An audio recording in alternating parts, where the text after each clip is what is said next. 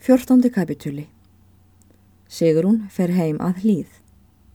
Kvon bæna umleitan Egils. Mánudaginn þriðja í sömri kom Sigrún aftur heim að hlýð og var henni þar all vel fagnað. Þórdís húsfreyja var hinn kátasta um daginn og leik alls otti og kisti fóstur sína og klappaði henni allir utan og skoðaði hanna í krók og í kring, eins og hún hefði ekki séð hanna í mörg ár. Það sem eftir var dagsins og svo hinn næsta dag hafði húsfreyja nóg að gjöra að spyrja Sigrúnu frétta og segja henni aftur þau tíðindi er gjörst höfðu þar á heimilinu síðan hún fór. Branda hafði borið rétt fyrir páskana og komist í átjan merkur. Hún hafði átt kvígukálf ofur félagan, svart húvóttan, öldungis eins á litin og hún gullbrá heitin ama hennar. Þórdís hafði ekki tímt að að láta skera hann, að því hann væri að því kyni og ætlaði hún að ánafna Sigrúnu kvíguna og vita hvað hún erði farsæl. Skjalda væri orðin næri því þurr, en ljómalind reytti enn að vonum. Lítið hefði orðið úr innivinnunni eftir það hún fór. Það hefði orðið æði skarð fyrir skildi þegar hennar hefði mist við frá spunanum. Vel hafði rakist niklakippan sem sigur hún spann vikuna áður en hún fór og betur en þar höfðu giskað á.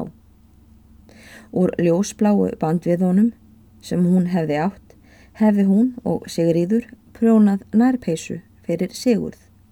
Þó hefði það ekki dögað og hefði hún því orðið að prjóna gráu framann við ermarnar. Sigrún hafði og ærið margt að segja fórstur sinni frá af högum sínum á meðan hún hafði dvalið á prestsetrinu. Síndi hún henni eitt og annað er hún hafði hannir það þar og let húsfreyja vel yfir og þótti henni sigur hún framafur þangað farið hafa. En þótt margt bæri á góma, millum þeirra fóstra, gat þó ekki sigur hún neitt um samdrátt þann eða kunningskap sem verið hafði á millum þeirra þórarins og hennar. En það var sá orðrómur sem lagst hafði á þar á staðnum um það efni ekki komin svo langt að húsfreyja hefði hirt nokkuð hóp á því. Laugardaginn næsta eftir að Sigrún var aftur heim komin að hlýð var skildagi Egils Grímssonar. Let fadir hans Grímur ferji hann þangað og fyldi honum sjálfur í vistina og var þar um nóttina. En daginn eftir bjóst hann til heimferðar hafði hann áður falið þeim hlýðarhjónum hann á hendur með mörgum fögurum orðum. Skildust þeir feðgar með miklum kærleikum fyrir utan tún. Þar lagði grímur hemdur yfir svonsinn og blessaði hann og bað að fyrirætlun hans hefði gæfu samlegan framgang og farsalega endalikt. Og ætla ég, segir hann, sonur góður, að skilnaði að hveðja þig með þessum orðum Salomónis. Sónu minn, hlýð þú aga föður þins og yfirgef ekki bóð þinnar móður. Eftir það skildu þeir feðgar. Egil var einn vinnumanna heima í hlýð um vorið. Aðrir húskarallar Sigurðar voru við sjóróðura starfaði Egil með bónda að húsagjörðum og vallarvinnu og öðrum heimilisönnum og var hann bónda all fylgisamur. En ekki hafði hann verið langa hríð í hlýð, áður húsfreyja og griðkonur þóttust taka eftir því að agli þótti kærast jafnan að vera þar sem Sigrún var og í kringum hanna. Ávalt Er Sigrún fór til útivinnu á túni, vildi hann ekki vera annar staðar að verkinu en sem næst Sigrúnu og ef færi gafst á, gætti hann svo til að þau sem oftast erðu tvö saman útaf fyrir sig.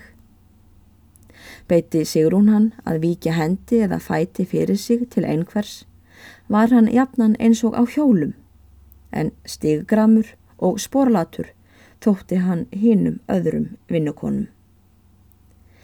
Þegar hann hafði lítið að starfa og var heima við bæin, mátti svo að orði hveða að hann nálega eldi Sigrúnu út og inn.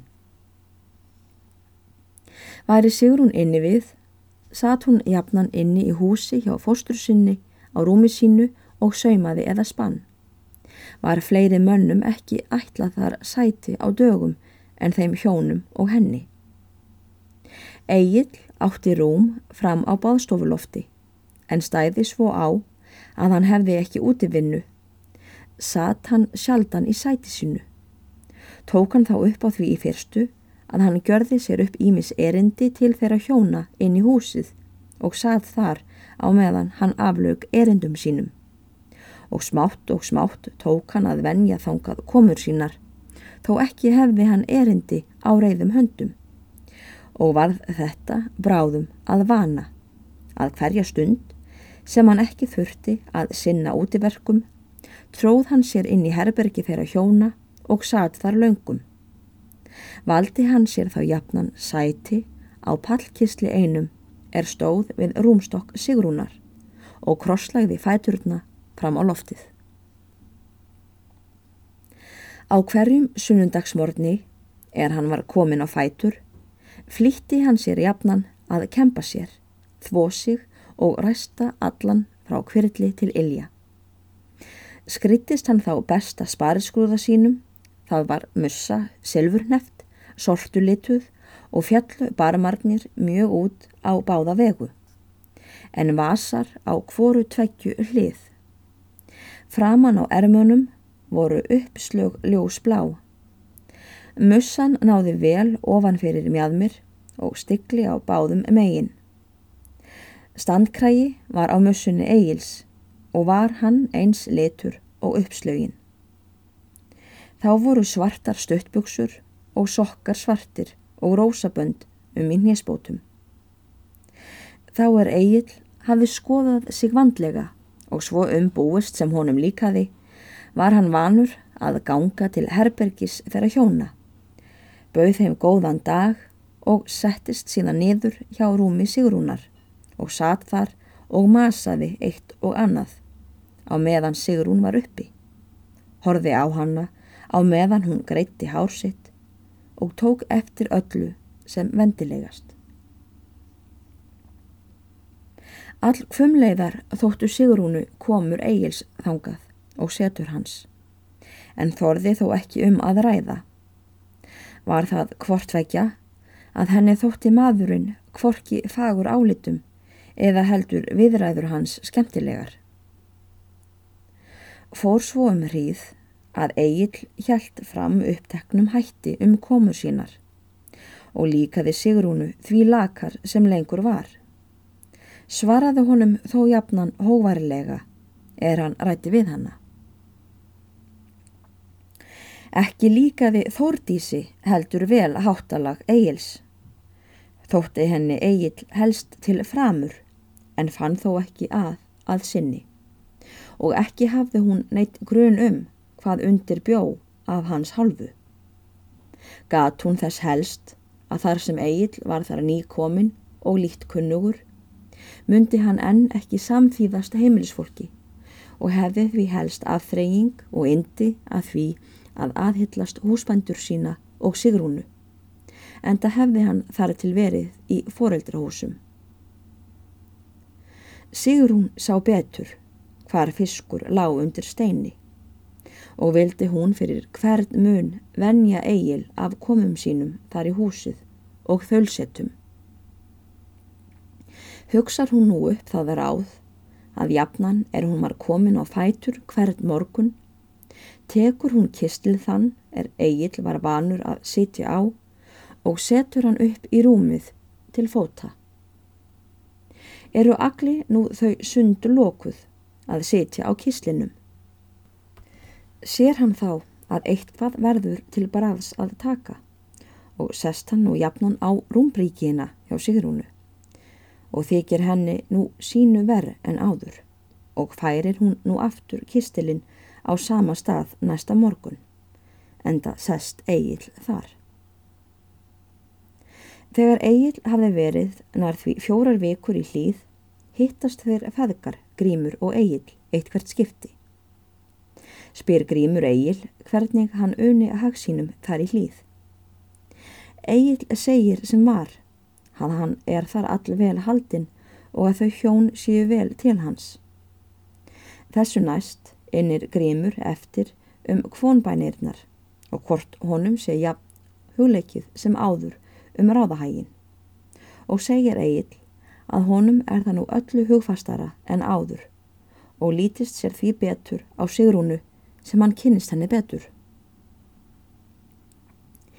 Hefur þið þá, sonur, borið það mál upp fyrir meginni, segir Grímur. Ekki enn, segir Egil. Nú er það bæði að ég hef sjaldan fengið færi á að mæla við hana í einrúmi en þó ber hitt heldur til að í hvert skipti er við höfum verið tvö saman og ég hef ætlað að ráðast í að nefna það við hana hvort hún vildi eiga mig. Þá hefur mér aldrei dottið í hug hvað ég ætti að segja eða hvernig ég skildi hefja máls á því. Og því meira sem ég hef hér um hugsað Því meira vefst það fyrir mér. Hvernig ég skal til haga um bónorðið. Því það böklasti fyrir mér, babbi, á hverju ég á að byrja, sagði Egil. Það sannast á þér, drengur minn, sagði Grímur og velti vengum, sem Sýrak segir. Þávís manns hjarta er líka sem eitt pottur, sáið lekur og kann engum lærdómi að halda. Svo hjælt ég, sonur sæl, þig upp frættan vera í gardi föður þins, að þú þyrstir eigi að vera í vandræðum með að haga svo tungu þinni, en það gæti þér til auðinu orðið. En svo gjörast nú þeir hinn er ungu menn, yfir þykir allt fært, en kunni þó ekki ráð til neins ef áherðir. Þér hafið nú aldrei sagt mér, fadri minn, svaraði Egil hvernig ég ha, ætti að fara að ef ég beiti mér stúlku eða hvað, ha. En hvernig fórst þú fyrst að, fadir minn, þegar þú beitir hennar móður minnar, ha? Það man ég ekki, drengur minn. Það atvikaðist öðruvísi að ég farði móður þína í hús föður míns, mælti grímur og velti vöngum. Viltu ekki segja mér, fadir minn, hvernig ég á að byrja eða vilt þú ekki nefna það fyrir mig við hanna, segir Egil. Ekki mun ég það að gjöra, sagði Grímur, að fara á fund Sigrúnar, en tólka skal ég mál þitt við fósturu hennar Þórdísi þegar þú hefur komist eftir vilja Sigrúnar sjálfrar. En nú, fyrst þú hefur mig þar til kvattan að segja þér hvernig þú skalt bera fram mál þitt við megjurna, þá mun ég þér það að vísu segja. Stillu þú þá svo til að þið séuð tvö saman. Gakk þú svona eins og ég göri, grímur spenti greipum saman á brjóstinu og velti vöngum. Gaktu stillilega og alvarlega framan að megjunni. Takk þú hönd hennar og mæl þú síðan með alvöru gefni. Þú hefur fangað mitt hjarta, mín sýstur, með þínu auga. Lofkvæði Salomons, þriðja kapitula, sagði Grímur látt. Halla þér síðan að meginu sem þú vildir kissa hana og seg Hunangsseimur drýpur af þínum vörum, mín sýstir. Hunang og mjölk er undir þinni tungu og ilmur þinna klæða er Líbanons ilmur. Munt þú þá fljótt verða þess áskinja hvort hugur megarinnar neyist til þín eður ekki. Hugfest þú þessi orð, sonur minn, og lát mig síðan vita hverju framfer. Mun ég og brátt koma að hlýð og fullgjöra þetta mál við þau hjón.